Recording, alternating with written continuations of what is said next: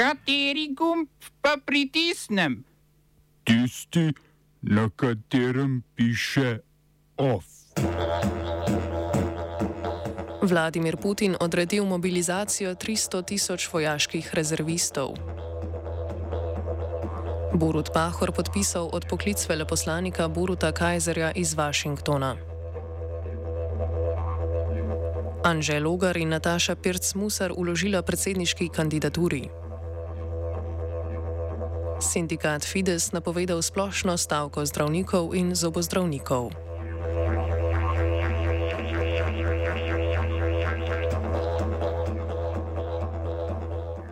Ruski predsednik Vladimir Putin je v televizijskem nagovoru državljanov napovedal delno vojaško mobilizacijo rezervistov.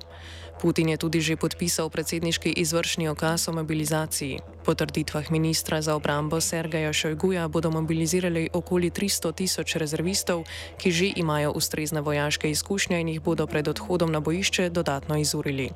Kakor je zatrdil Šojgu, Rusija sicer premore okrog 25 milijonov rezervistov.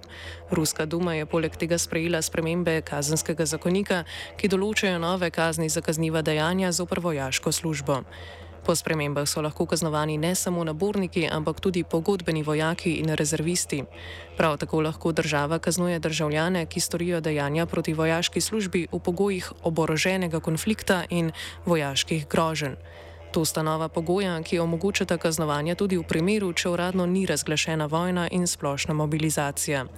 Putin je v nagovoru pozdravil še napovedane referendume o priključitvi zasedenih regij Lugansk, Donetsk, Herson in Zaporožje. Napovedani so med 23. in 27. septembrom.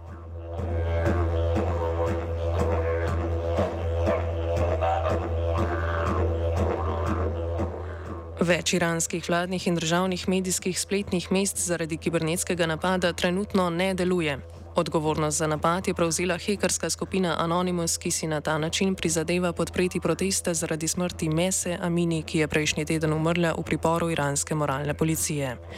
Skupina Anonymous, ki je bila po tovrstnih kibernetskih napadih na voditelje držav, neslužnih politikam zahodnih držav, poznana že prej, je trenutno med drugim destabilizirala obe največji vladni spletni strani, napadli pa, so, pa naj bi tudi osrednje državne medije.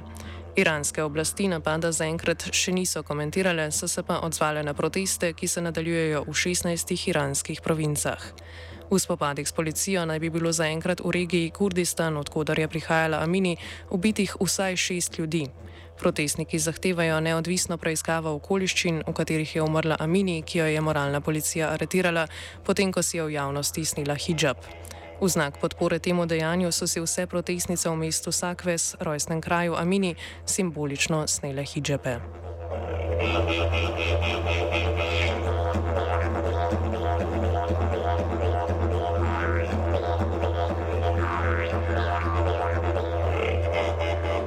Na japonskem se je starejši moški samo zažigom ubil v bližini pisarne predsednika vlade Fumija Kišide. To je storil protest proti državnemu pogrebu Julija umorjenega dolgoletnega premijeja Šinca Abeja. Policisti naj bi na kraju samo sežiga našli tudi pismo z obrazložitvijo dejanja, vendar razen tega, da je moški nasprotoval pogrebu, več informacij ni znanih. Za stroške Abejevega pogreba bo država plačala okoli 12 milijonov evrov.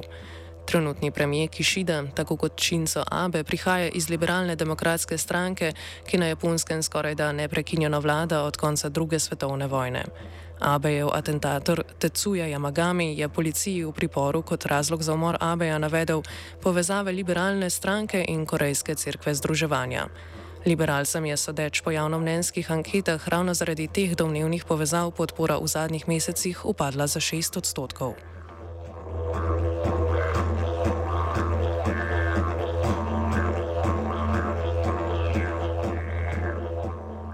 Uganski prestolnici Kampala so aktivisti zaradi resolucije parlamenta Evropske unije o ustavitvi naftnega projekta v Ugandi in Tanzaniji udrli v prostore predstavništva Evropske unije.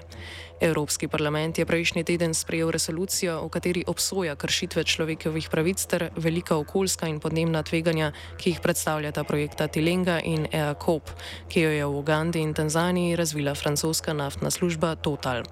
Po trditvah poslancev Evropskega parlamenta naj bi bilo več kot 100 tisoč ljudi prisiljenih zapustiti svoje domove, če bi naftni projekt izvedli. Frank Maweje, vodja uganskih aktivistov, ki nasprotujejo resoluciji, je dejal, da sta Uganda in Tanzanija neodvisni državi in da se Evropska unija nima pravice umešavati v izkoriščanje naravnih virov obeh držav. Po poročanju medijskega portala allafrica.com noben aktivist zaenkrat ni bil aretiran. Razlog za to pa naj bi bil, da uganska vlada prav tako nasprotuje resoluciji Evropskega parlamenta in si želi nadaljevati s projektom.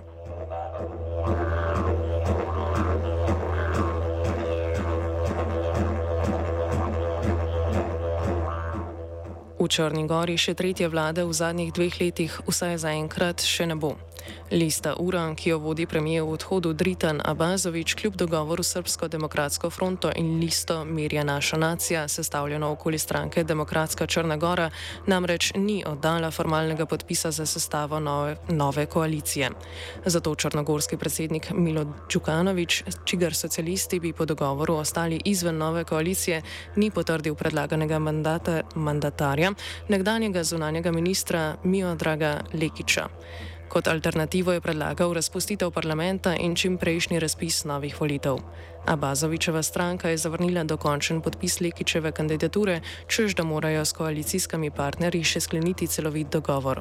Nebojša Medojevič iz Demokratske fronte je Abazoviča zato obtožil izseljevanja koalicijskih partneric, da bi si pridobil čas pred organizacijo novih volitev. Abazovičevo vlado je sicer zrušila prav Džukanovičeva stranka socialistov, ki je pred mesecem dni odrekla podporo, potem ko je vlada sklenila sporazum s Srpsko pravoslavno crkvijo. Smo se osamosvojili, nismo se pa osvobodili. Naslednje število je še 500 projektov. Izpiljene modele, kako so se strani nekdanje LDS rotirali. Ko to dvoje zmešamo v pravilno zmes, dobimo zgodbo o uspehu. Takemu političnemu razvoju se reče udar. Jaz to vem, da je nezakonito, ampak kaj nam pa ostane? Brutalni obračun s politično korupcijo. To je Slovenija, tukaj je naša zemlja, to je Slovenija, Slovenija, Slovenija.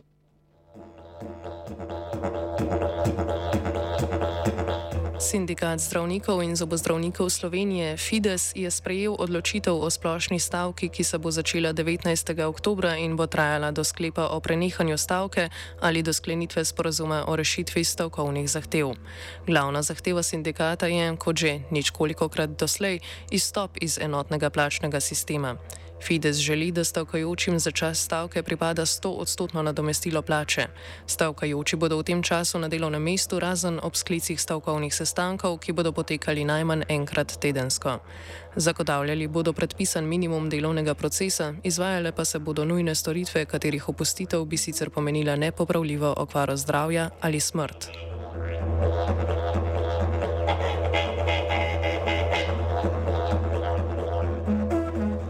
Predsednik republike Borut Pahor je podpisal odpoklic veleposlanika Toneta Kajzerja iz Združenih držav Amerike. Opozoril je tudi na vprašanje sorazmernosti predlaganega ukrepa oziroma doslednosti takega ukrepanja v vseh podobnih primerih. Iz Pahorjevega urada so sporočili, da bi bilo prav, da se postopek odpoklica veleposlanikov prihodnje formalno uredi enako kot postopek imenovanja veleposlanikov, pri katerem je posvetovanje s predsednikom republike sestavni del postopka odločanja. Vlada se je za odpoklic Kajzerja odločila prejšnji teden zaradi kršitve zakona o zunanjih zadevah. Kajzer je namreč depešo, depešo notranjega ministerstva namenjeno diplomatsko-konzularnim predstavništvom nepooblaščeno poslal predsedniku Slovenije demokratske stranke Janezu Janši, ta pa jo je objavil na Twitterju.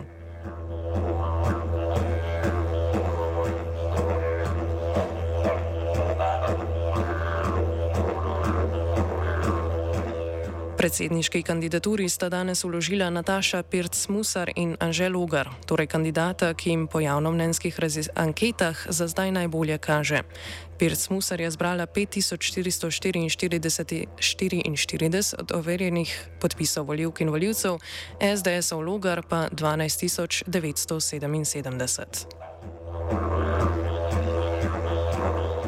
Ovsta pripravila vajenka Zala in Fin.